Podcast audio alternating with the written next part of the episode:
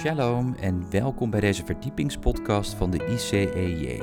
Mijn naam is Joshua Beukers en samen met Jacob Keegstra gaan wij weer een verdieping zoeken van de Hebreeuwse wortels van ons christelijk geloof. In aflevering 222 gaan wij het hebben over waarheid en misleiding. Er is in de wereld veel valse informatie, veel nepnieuws. Hoe kunnen we de waarheid onderkennen en hoe wapen we ons tegen misleiding? U hoort het in deze aflevering. Wij wensen u veel luisterplezier. Ik heb het bewust niet genoemd waarheid en leugen. Waarheid en leugen is vaak een bekende uitspraak, maar de leugen is het gevolg van iets. We willen ons juist richten op die geestelijke strijd in die hemelse gewesten. Zullen we het ook over de geestelijke wapenrusting gaan hebben? Hoe krijgen we overwinning? Nou, een aantal handvaten. Maar het gaat dus vooral ook allereerst over misleiding. En wat is misleiding?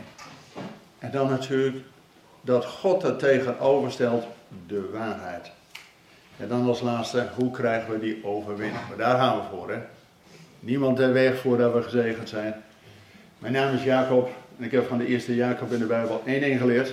Kan een hele worsteling zijn. Maar we gaan niet weg. Voordat we gezegend zijn. Amen. Dus ik wil met u nadenken over het thema waarheid in misleiding in drie punten. Begin bij de ellende, dan de verlossing, dan de dankbaarheid. Eerst de misleiding, dan de waarheid en dan de overwinning. En ik wil u, met u gaan naar een beroemd gedeelte wat Jezus in zijn eindtijd reden. Dus het is niet over het begin, maar juist over de eindtijd. En alles wat erin voorkomt. Matthäus 24, vers 4 en 5.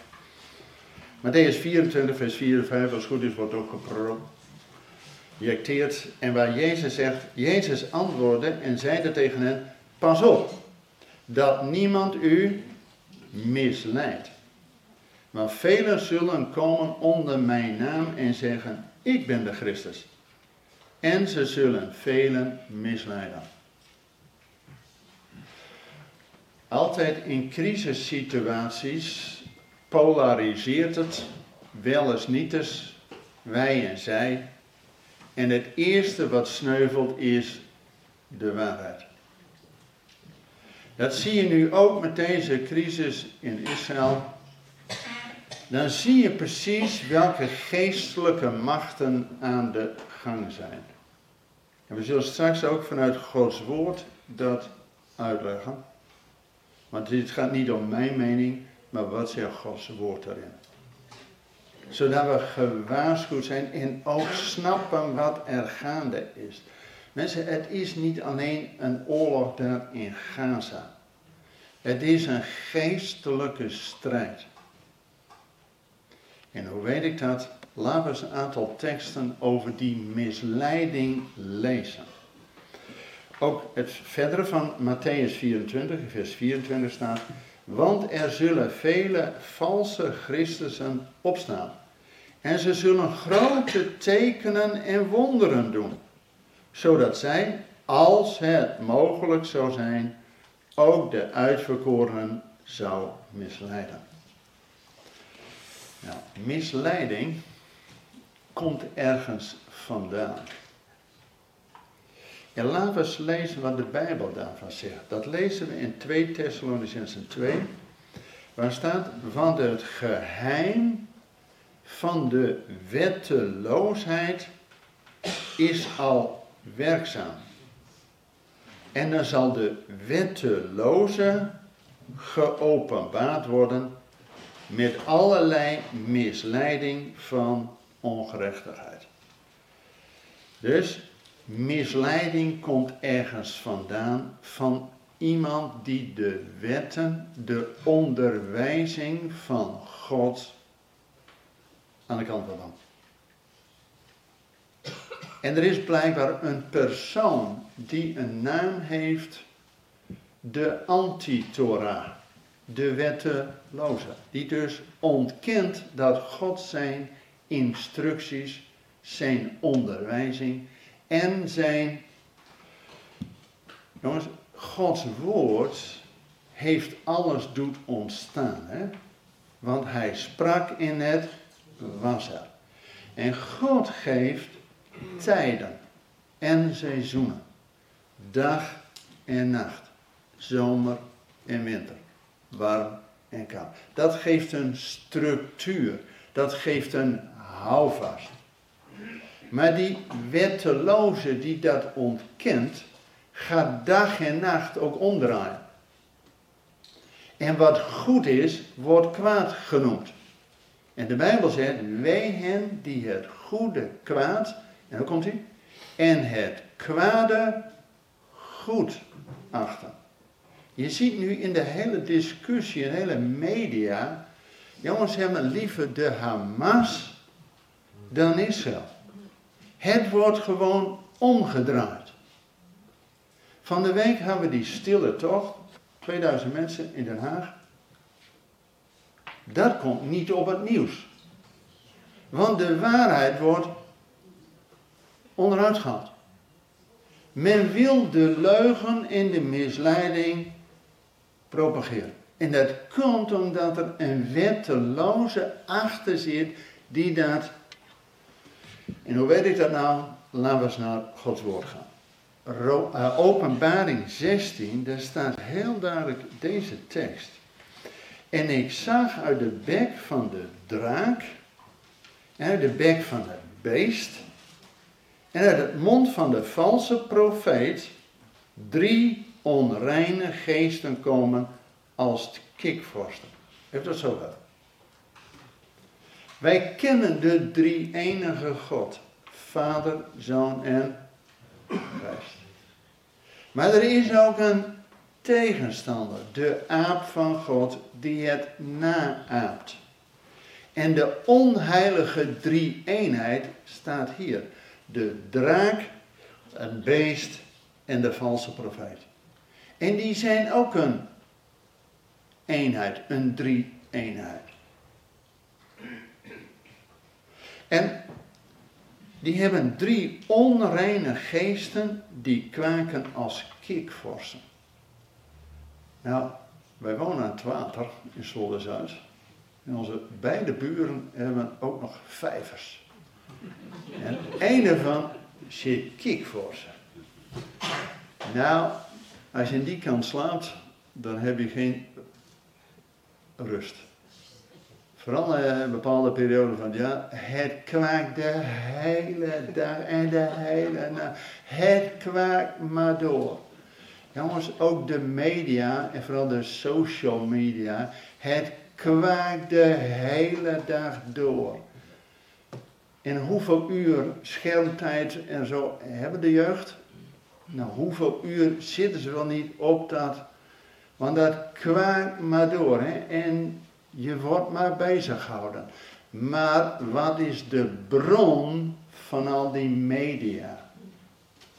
Jongens, wij doen zendingen, als het goed is. Wij als gelovigen. Weet je dat in de wereld ook heel veel zending wordt gebruikt? Die gebruiken de kranten en de media voor hun propaganda.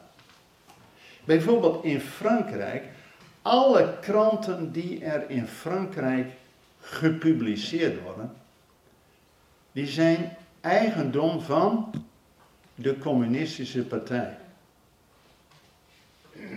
Dus die hebben gewoon impact.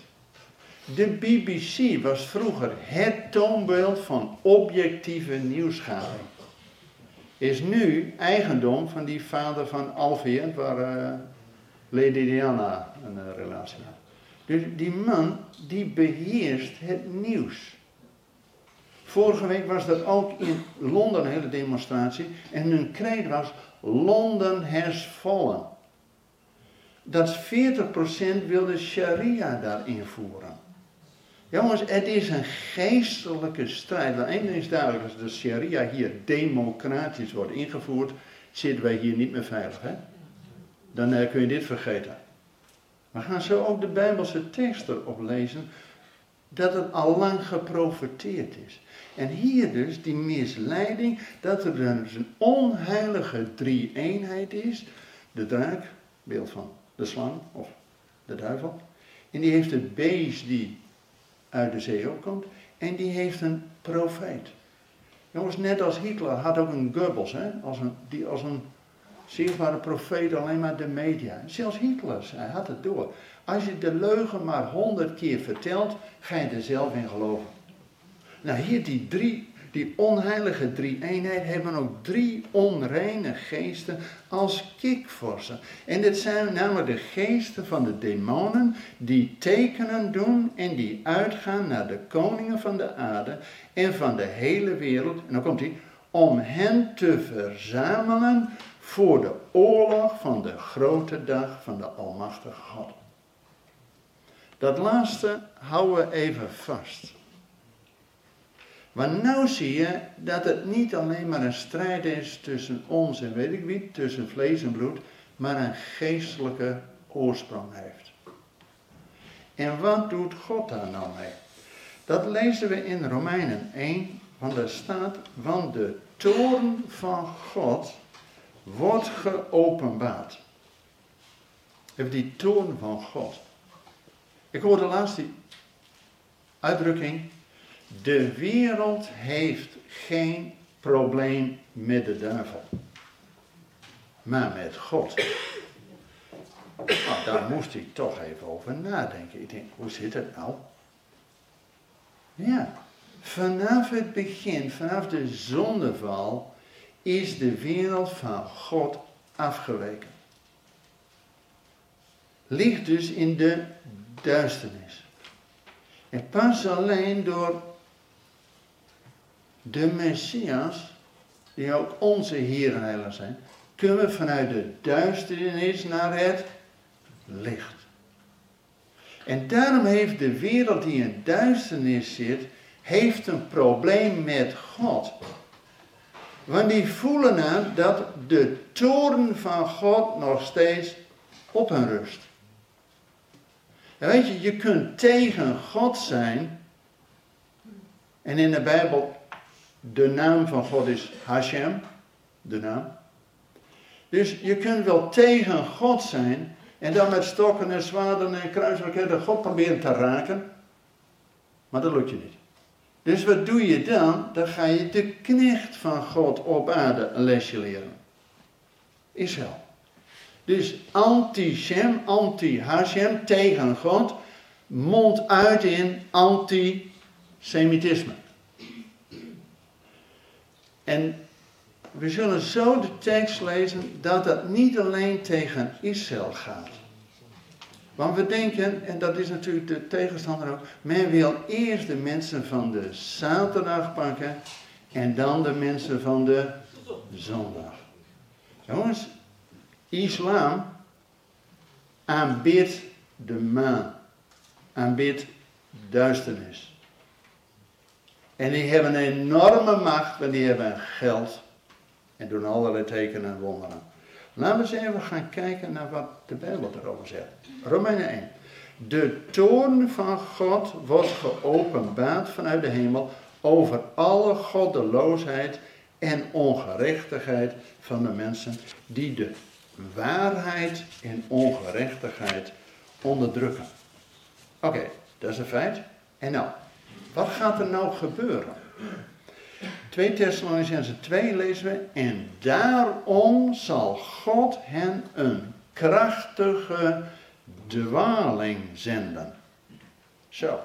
Zodat zij de leugen geloven, opdat zij allen veroordeeld worden die de waarheid niet geloofd hebben, maar een behagen hebben gehad in hun ongerechtigheid. Hoe kan dat nou, jongens? God is toch een God van liefde? Hoe kan het nou? Hier staat, God zal hen een krachtige dwaling zenden, zodat ze de leugen gaan geloven. Heb ik lang over nagedacht. Ineens, ja, zie je soms het licht. Weet je, met de plagen van Egypte, die tien plagen, ja, wij noemen het plagen, maar de Bijbel noemt het de tien tekenen.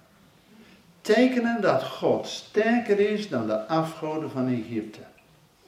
het water van de Nijl werd aanbeden als een god en de kikkers werden aanbeden en weet ik het wat. Dus God doet tekenen dat hij die afgoden leert. Zeven keer kreeg die farao de kans om zich te bekeren.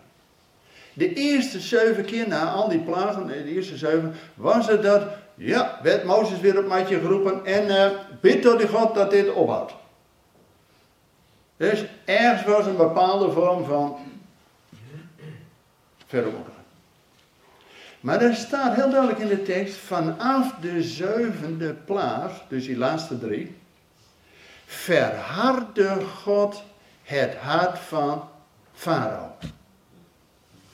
Nou, dan denk je, God is toch liefde? Nee jongens, God is liefde en recht. Hè? We hebben vaak een beeld van God, net zoals zo'n uh, lieve Sinterklaas en, en weet je wat. Ja, maar God is liefde en recht. Weet je wat het mooie daarvan is? Dat God zal recht brengen op aarde. Dat het onrecht eindelijk eens een keer overwonnen wordt. Ja? En dat dus God een krachtige dwaling zendt. Dat betekent dat, dat die eerste zeven al voorbij zijn. En dat God pas die laatste ronde, dan is duidelijk, die farao heeft zeven volheid de gelegenheid gehad, die gaat zich niet meer bekeren. En dan verergert God het zodat het duidelijk wordt dat God de enige is die een uit de, uit de duisternis in zijn licht kan brengen. Hè? Vanuit de slavernij vanuit Egypte naar het licht van het beloofde land. Jongens, dat is het evangelie. Hè? Begint al Genesis 1. Dat we vanuit de duisternis naar het licht. En wat wil die tegenstander van God? Niks lievers dan ons weer in die duisternis. En ook daarmee in die slavernij. Islam betekent ook onderwerping. Hamas betekent geweld. Nou, dan is duidelijk, dan weer weer terug. En dus de drie enige, de drie onheilige eenheid,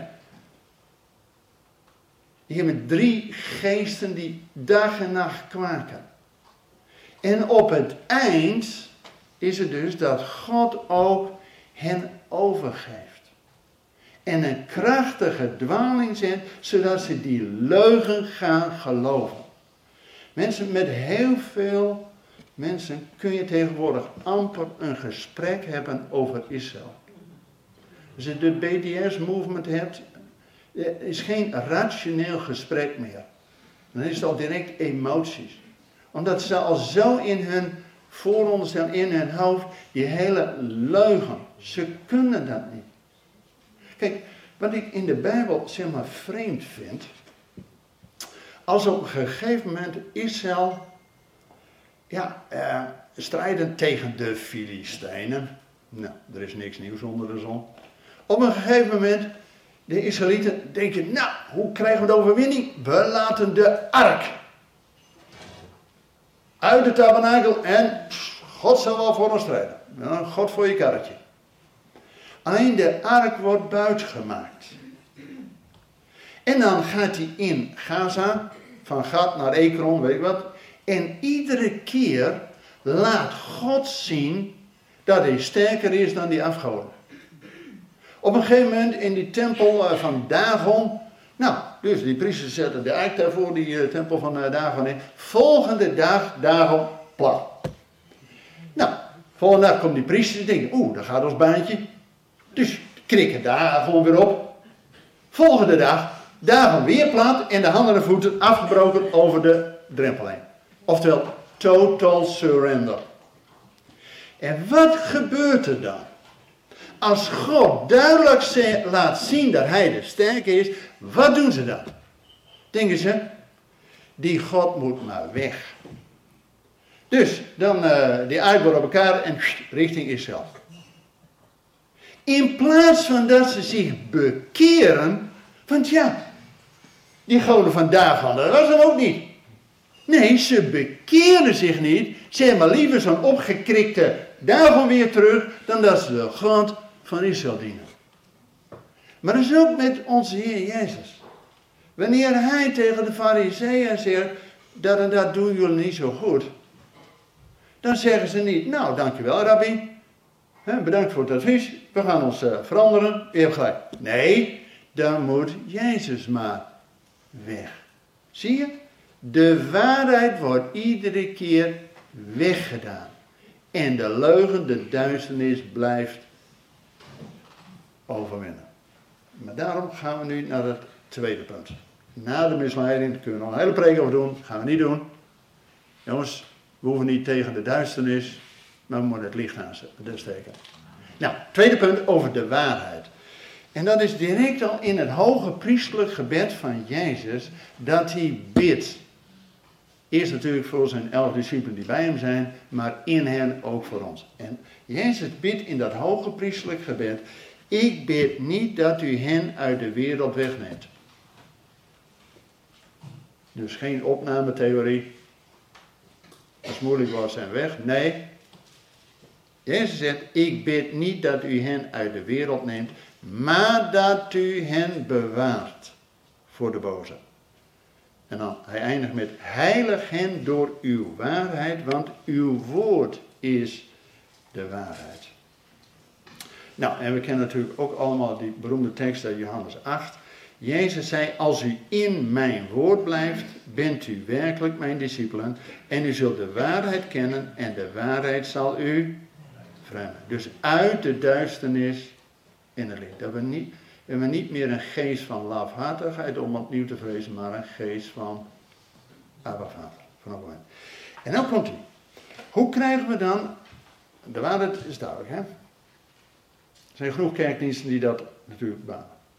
Maar nu, punt 3. Hoe krijgen we nou die overwinning? Waarheid, misleiding, kunnen we een hele preek over doen. Maar nu, hoe krijgen we overwinning? Punt 3.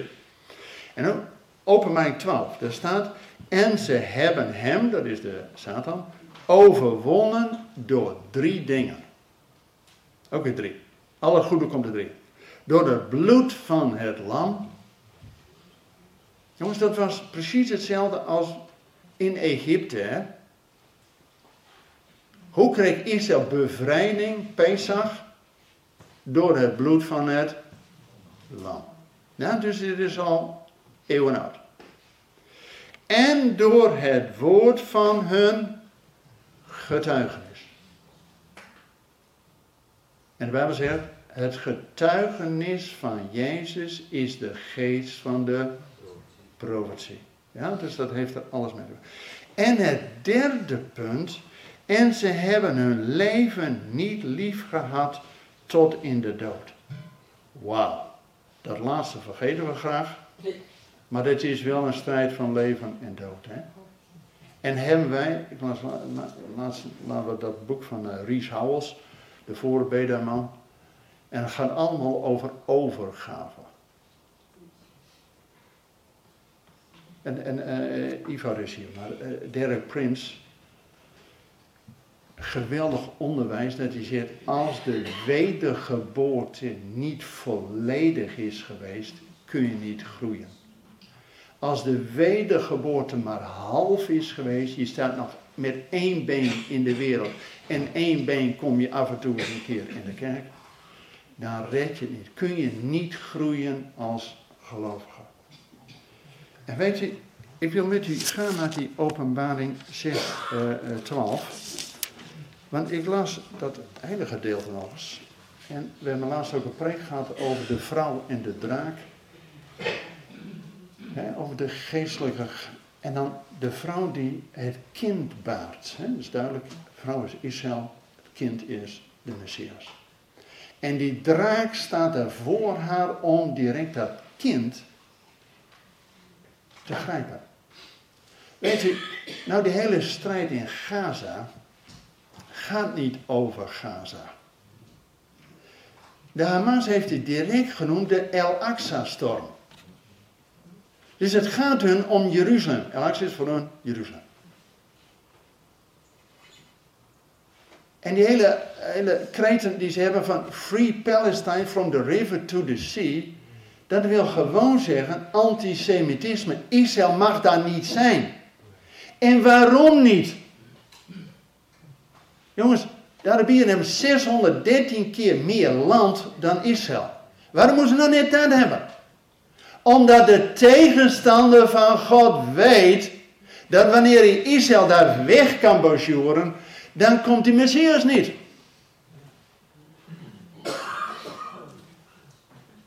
Want Israël is nu terug in het land. En we bidden ook dat ze terugkeren tot het hart van de Vader. Want Jezus kan pas terugkomen wanneer ook Jeruzalem zegt, gezegend hij die komt in de naam des Heeren. En als het de tegenstander lukt, en die kent de Bijbel soms beter dan wij, hè.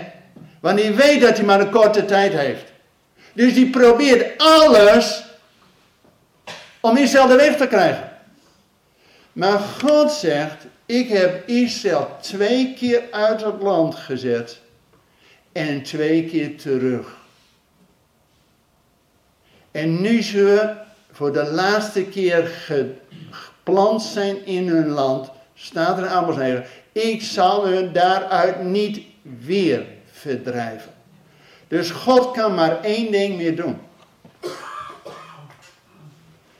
De vorige keer dat Israël rond de tijd van Jezus weer in het land was, als Israël ook niet doet wat er in Gods woord staat, kan God hun nog uit het land zetten. Ja, geprofiteerd. Jezaja 11. Nu ze voor de laatste keer terug zijn in het land en al die moeilijkheden, straks nog veel meer landen zullen optrekken naar Jeruzalem, kan God maar één ding doen, hun tot zijn hart terugbrengen, zodat ze zien wie hun Messias is. En daar bidden we straks voor. Zeg je 12 dat de geest van genade en gebeden over hen wordt uitgezocht, zodat ze ook mogen zien wie hun Messias is. Maar die tegenstander, die vader van die leugen, die die misleiding geeft zodat men de leugen gaat geloven, die wil maar één ding, ik zal de weg hebben. Ja, maar dan is zijn tijd nog eh, even verder. Maar lees eens met mij mee in openbaring. In openbaring 12, daar gaat het over die vrouw en die draak. En daar staat in vers 13. Eh, en zodra de draak zag dat hij op de aarde was neergeworpen, ging hij de vrouw vervolgen die het mannelijk kind gebaat had. Nou, antisemitisme staat al geprofiteerd. Maar nu nog even doorlezen. En daar staat er, vers 17. En de draak werd boos op de vrouw en ging heen om oorlog te voeren tegen de overigen van haar nageslacht, die de geboden van God in acht nemen en het getuigenis van Jezus Christus hebben. Jongens, wie zijn dat? Dat zijn wij, hè? Dus niet voor niks dat mensen daar zeggen, we pakken eerst de mensen van de zaterdag en dan de mensen van de zondag. Dus het is gevaarlijk dat u hier zit, hè? Want als u ook dat mede van Israël bent. En door het geloof zijn we geënt op Israël. Zijn we zelfs kinderen van Abraham. En dat we het getuigenis van Jezus Christus hebben. Nou, wie zijn dat? Reken maar uit. Dus het is in de Gods woord al geprofiteerd dat het een spannende tijd gaat worden. En daarom, iets waar je nooit over hoort preken, maar in het verlengde van zo net, en dat is openbaring 16 weer, dat die tegenstander van God alles en iedereen oproept voor de grote dag van de oorlogen van God. Dus in openbaring 16 staat ook dat het de oorlogen zijn die God gaat voeren. En gelukkig, Lucas 12, het evangelie, liefde en recht Komt weer in, die twee pijlers. Liefde en recht zal hij brengen op aarde. Maar dat betekent ook dat er in handeling 17 staat dat er nog steeds een rechtvaardig oordeel van God is. Dat die toorn van God op de wereld is en dat God rechtvaardig zal oordelen. En dan staat er, door iemand die hij heeft aangewezen. Door het bewijs te leven dat hij hem uit de dood heeft opgewekt. Jongens, dat is de overwinning vanuit de duisternis, overwinning in het licht. De opstanding is het meest cruciale, hè? want dan laat God zien dat de dood niet dood is, maar overwonnen is. En weet u, wat hebben wij er nou mee te maken? Want het is uiteindelijk een geestelijke strijd. Hè? Tussen die drie onheiligheid en die vader der geleugen en misleiding. En dat God dat zelfs beaamt. Oké jongens, dan zul je die leugen ook wel geloven. Dus het is op een gegeven moment ook niet meer met rationele argumenten te bestrijden. Nee, het is een strijd ook in die hemelse gewesten. En hoe krijgen wij daar overwinning? Pas geestelijke strijd is alleen te overwinnen met geestelijke wapens. Daarom die oproep uit Efeze 6, u kent hem allemaal, bekleed u met de halve wapenrusting. Nee, daar staat er. Jongens,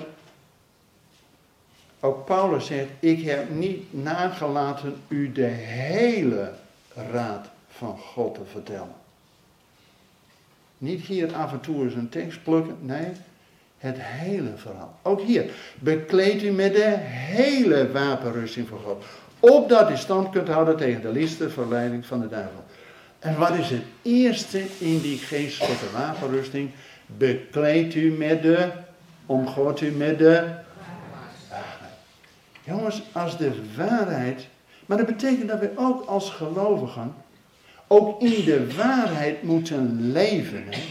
En niet een beetje compromissen, dat grijs-grijs. We zijn als Nederlander daar heel goed in. Maar we willen ook vooral uh, handel drijven en dan nou ja, de waarheid maar een beetje rustig aan. Jongens, heel Romeinen 1 gaat erover dat we de waarheid moeten verkondigen. Maar ook zelf in die waarheid gaan leven. Dat we een zichtbare brief van Christus zijn. En die hele geestelijke wapenrusting, u kent hem. Maar het begint dus met, doe die waarheid aan. Nou, we willen zo een filmpje laten zien over dat ook Israël het licht aansteekt, het Genoeka-feest. Want in het jaar 167 voor Christus mocht door de overheersers in Israël mocht Israël er niet zijn. Ze mochten geen besnijdenis hebben, geen Shabbat, ze mochten niet de menorah in de tempel aandoen. Er werd zelfs een anti-religie neergezet. Dat ze een varken gingen offeren op het altaar van God. En de hele Griekse cultuur werd geïndoctrineerd. Jongens, ook wij leven meer in het Griekse denken dan we doorhebben. Lees mijn boek over Hebreeuws denken ten opzichte van Grieks denken, maar ook na. Maar ook toen in Israël hebben ze drieënhalf jaar moeten vechten voordat ze de tempel weer konden bevrijden. En toen hadden ze maar één flesje olie met het zegen van de hoge priester. Maar ze dachten, ja, ja, ja, het duurt te lang om, ja, het duurt weer acht dagen voordat een nieuwe olie. We steken gewoon nu maar één kaars aan. En toen deed God een wonder. Met het weinige wat zij hadden, deed God een wonder dat die olie, die voor één dag voldoende is, acht dagen bleef branden. Zodat die menorah in de tempel het eeuwige licht bleef branden. En dat bidden we. Dank u wel voor het luisteren naar deze verdiepingspodcast van de ICEJ.